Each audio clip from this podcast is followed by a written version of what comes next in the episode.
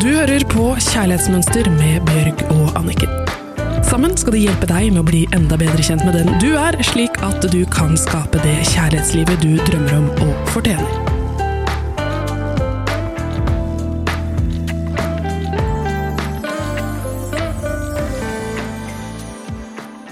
Velkommen til en ny uke her i Kjærlighetsmønster.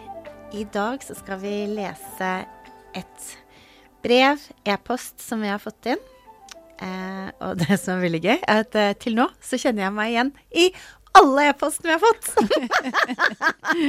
jeg vet ikke om det sier mest om meg eller hvor mange forhold jeg har vært i, eller begge deler. Men denne her begynner som følger. Hei, Bjørg Anniken. Takk for en fin og lærerik podkast. Jeg har en rekke dårlige forhold bak meg. Jeg har hver gang trodd at det skulle bli annerledes, men endte opp likt hver gang. Etter å ha hørt på podkasten deres, så skjønner jeg jo hvorfor det har blitt sånn. Mitt problem i dag er at jeg har funnet en flott og snill mann.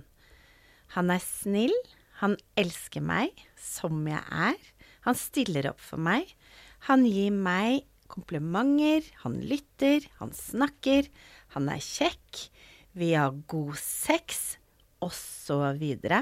Han er alt jeg drømmer om, men jeg sliter med å ta imot alt dette, for jeg er ikke vant til å bli behandlet sånn. Jeg jobber med saken, for jeg vil jo ikke miste han. Det som har begynt å skje, er at jeg finner masse latterlige feil. Nesen hans, latteren hans, måten han snakker på, måten han kler seg, osv. Det er akkurat som om hjernen min leter etter feil.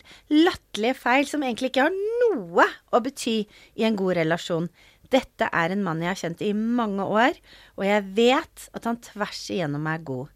Vi har bestandig likt hverandre, og nå ville livet det slik at vi var single samtidig, og har nå vært sammen i snart et år. Han vet at jeg sliter med å ta imot alt han har å gi, men sier at vi skal ta tiden til hjelp og at vi ikke har hastverk. Hva er det som gjør at jeg leter etter feil? Jeg blir så utrolig lei meg. Hva tenker du, Anniken? Hun sier jo det at han er alt jeg drømmer om, men jeg sliter med å ta imot dette, for jeg er ikke vant til å bli behandlet sånn. Mm. Dette er jo en av grunnene fordi at det er uvant. Og når vi går utenfor og treffer noen som er annerledes enn kjærlighetsmønsteret, altså det vi har på en måte blitt opplært til at dette her er kjærlighet, dette her er tiltrekkende, da er det vanskelig. Men det ligger jo også i, fordi hun finner masse latterlige feil, så er det jo en god del perfeksjonisme her.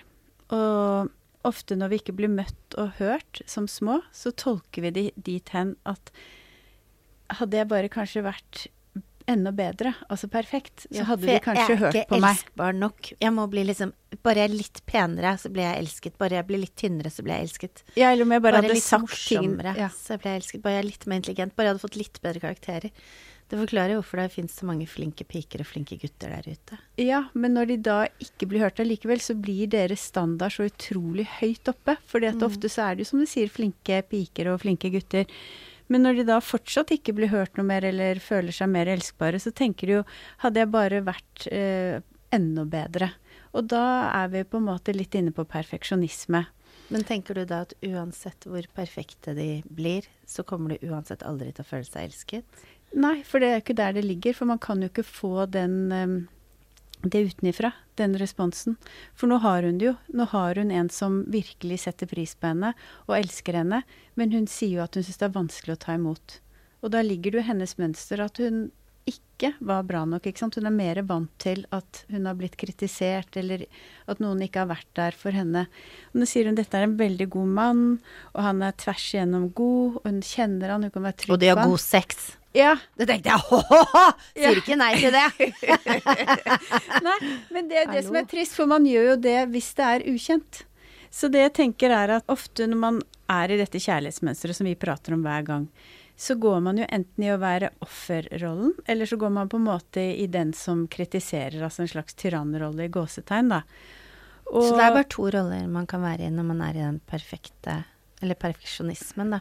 At man enten går i offerrolle. Ja, Mm. At man er kritisert, og det er den hun er vant til å være i. Mm. Hun har sikkert blitt kritisert i barndommen av sine omsorgspersoner, eller Ja, eller ikke blitt møtt, da, bare for å være den Mm. hun er. Og, så, og da har hun vært det offeret også i de tidligere forholdene hun har vært i, mens nå møter hun på det motsatte. Og da bruker hun nummer to av sine roller, og det er bare Så hun har bare de to, ja. Og Mm. da er det tyrannrollen hvor Ja, tyrann i gåstegn, da. Ja, den som kritiserer. Ja, men da er hun sånn som hun pleier å kritisere seg selv, Akkurat. gjør hun da mot han. For at hun har jo den indre Akkurat. kritikeren når du er så Ja. perfeksjonist. Mm.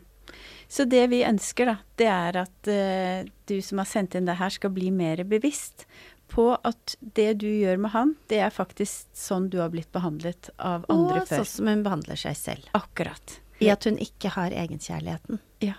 For hun føler seg ikke sikker på om hun er bra nok, og derfor blir det der målet om å, om å være så perfekt, eller hvis ting hadde vært annerledes, og det er derfor hun kan begynne å kritisere nesen, latteren, måten han kler på seg, altså alle disse detaljene som er helt uvesentlige Men- for om man har et godt forhold eller ikke. Men tenker du at når hun får egenkjærligheten på plass, så holder den derre kritikeren oppi hodet hennes kjeft, og da slutter hun å dømme seg selv og han? Ja, og du kan si det er veldig mange som spør oss, eh, og vi blir så glad for å høre om denne egenkjærligheten. Den har vi så veldig lyst til å få til. Hvordan får dere til det? Da kan vi svare litt på det også, for dette det går jo hånd i hånd med akkurat det du sier nå. At hvis man begynner å bli bevisst og legger merke til at man faktisk snakker seg selv ned, og kan litt etter litt slutte med det, da er man jo på god vei av egenkjærlighet. Så det er jo egenkjærlighet. er Og da er det lettere å elske andre og bli Mm. elsket av andre. Mm. Fordi at det, det er jo sånn at de partnerne vi er sammen med, de speiler jo hvordan vi har det inni oss. Mm. Og det er faktisk helt essensielt og viktig å få med seg. Si den setningen en gang til, Anniken. De partnerne vi er sammen, de speiler hvordan vi har det inni oss selv. Mm. Og det må bare, hvis vi bare tar en liten assosiasjon der For jeg vet at når jeg har sovet dårlig, ikke har fått kaffen min og er trøtt og er litt småstressa, da kan jeg plutselig skape dårlig stemning mellom meg og sønnen min på morgenen. Mm. Mens når jeg har stått opp tidlig, har gjort morgenrutinen min eh, og er glad og har drukket kaffen og liksom er fornøyd med meg selv, da har jeg det alltid koselig. Uansett hvor liksom sur og trøtt han er, så klarer jeg alltid liksom bare at da har vi gode Så da er jeg speilet. Mm. Og det er sånn at når hun nå går rundt og kritiserer han, så er det et speilbilde på antageligvis hvor kritisk hun er med seg selv. Så vi tenker at hvis du kan begynne å legge merke til hvor kritisk er du med deg, hvordan snakker du deg selv ned, og begynne å bli bevisst det, så vil man også da få en større rom for den andre, sånn at man ikke nødvendigvis må kritisere selv om det er annerledes. Da har man mer aksept. For når man Mm. har mer aksept for seg selv, så får man også mer aksept for andre. Eller for å si det sånn, start med å legge merke til hvordan og når du kritiserer og snakker deg selv ned. Ja, det høres utrolig lett ut, da, men uh, hvis uh, du som lytter aldri har følt deg bra nok eller sett, og så hører du oss s- om ja, snakke Og dette er bare si en ting, for når du sier det, for det, det går jo på et dypere nivå. For det er Mm. ikke sånn at man ikke føler seg bra nok. Man kan jo være fin i klærne, se bra ut og ha Ja, draget de, på kjekke det mer perfeksjonistiske, jo penere negler og, Ja, så man kan se kjempebra ut. Så det er bare viktig for meg å si det at når vi snakker om det ikke aldri føler deg bra nok, så snakker vi om på et dypere nivå, mer på det ubevisste. Og det er derfor man tiltrekker seg disse dårlige relasjonene, fordi man har et dysfunksjonelt kjærlighetsmønster. Fordi noen kanskje ikke har sagt at du er ikke bra nok, men de har Nei, vist tenker, det. det er jo en veldig lang vei å gå, for jeg Mm. vet at det høres ut som en sånn easy fix med å klare å endre på den indre dialogen.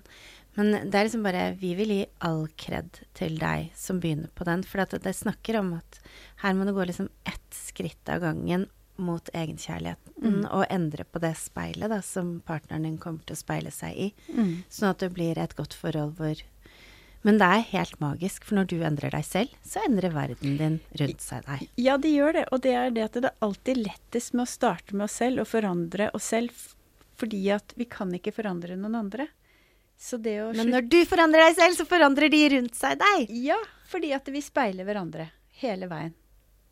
Og det er jo egentlig veldig spennende hvis man begynner å se det på den måten. Så istedenfor å tenke Og hvordan er det sånn? Så kan man bare se hva man gjør med det andre mennesket, og hva partneren gjør med deg. Så kan man vite at dette speiler egentlig hva som foregår inni meg. Så det er en Ja. veldig interessant reise. Og så må jeg bare si sånn her, for jeg får sånn vondt inni meg. For at jeg føler at vi kritiserer nå de som dømmer seg selv for hardt, og de som har en stygg indre dialog og en kritisk indre dialog. Og så er det liksom det motsatte.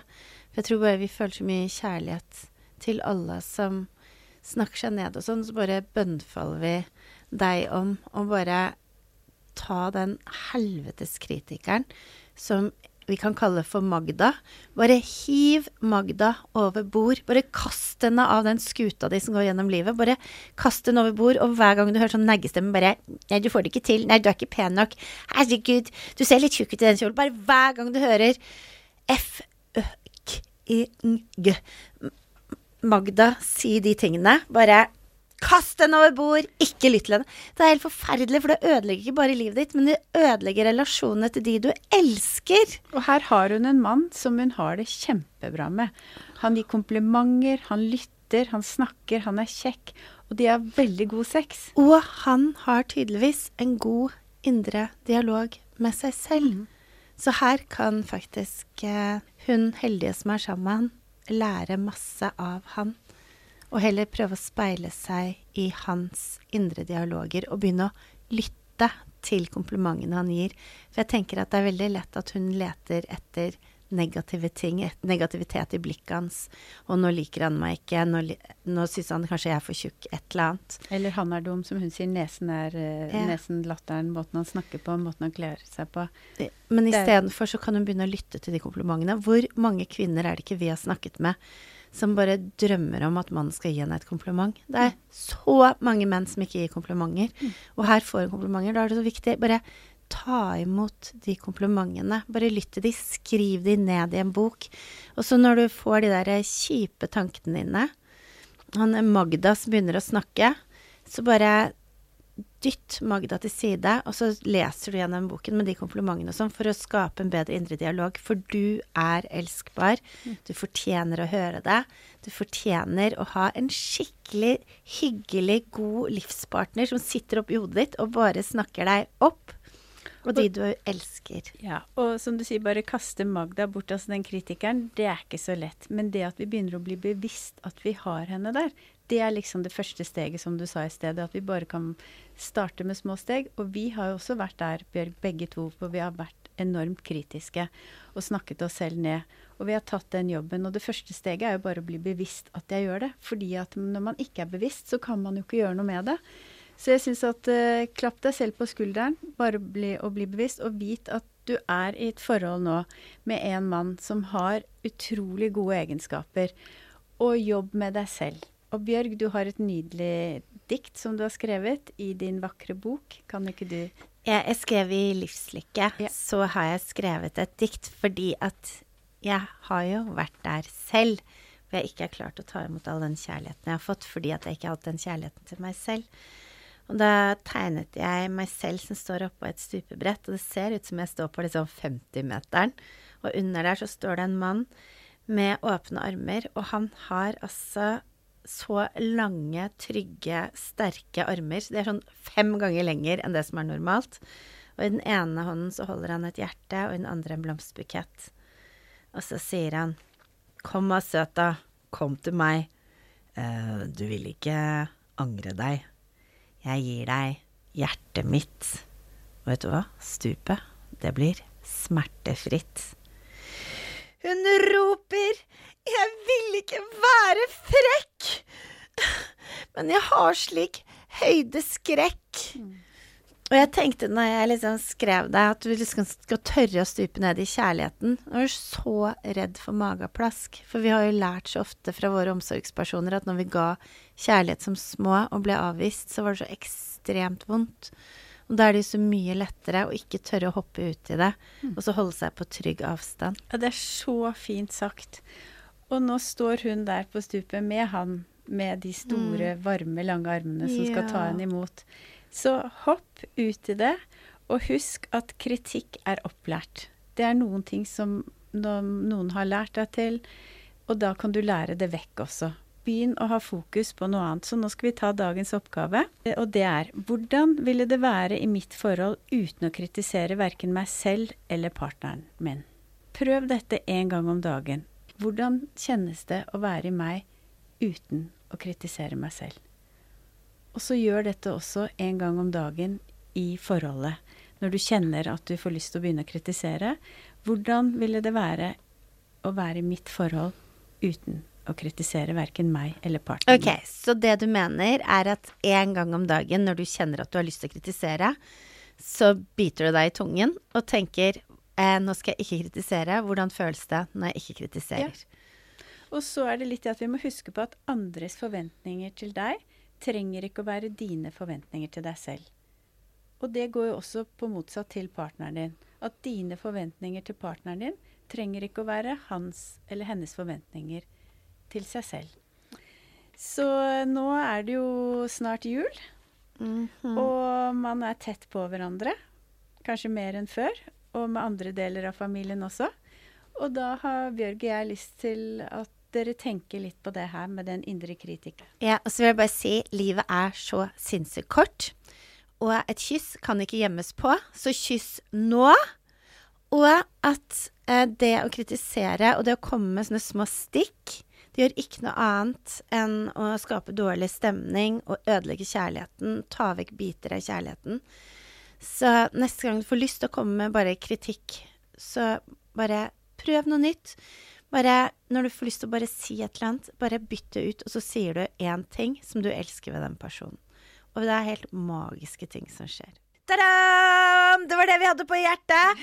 Til vi ses neste uke. God førjulstid!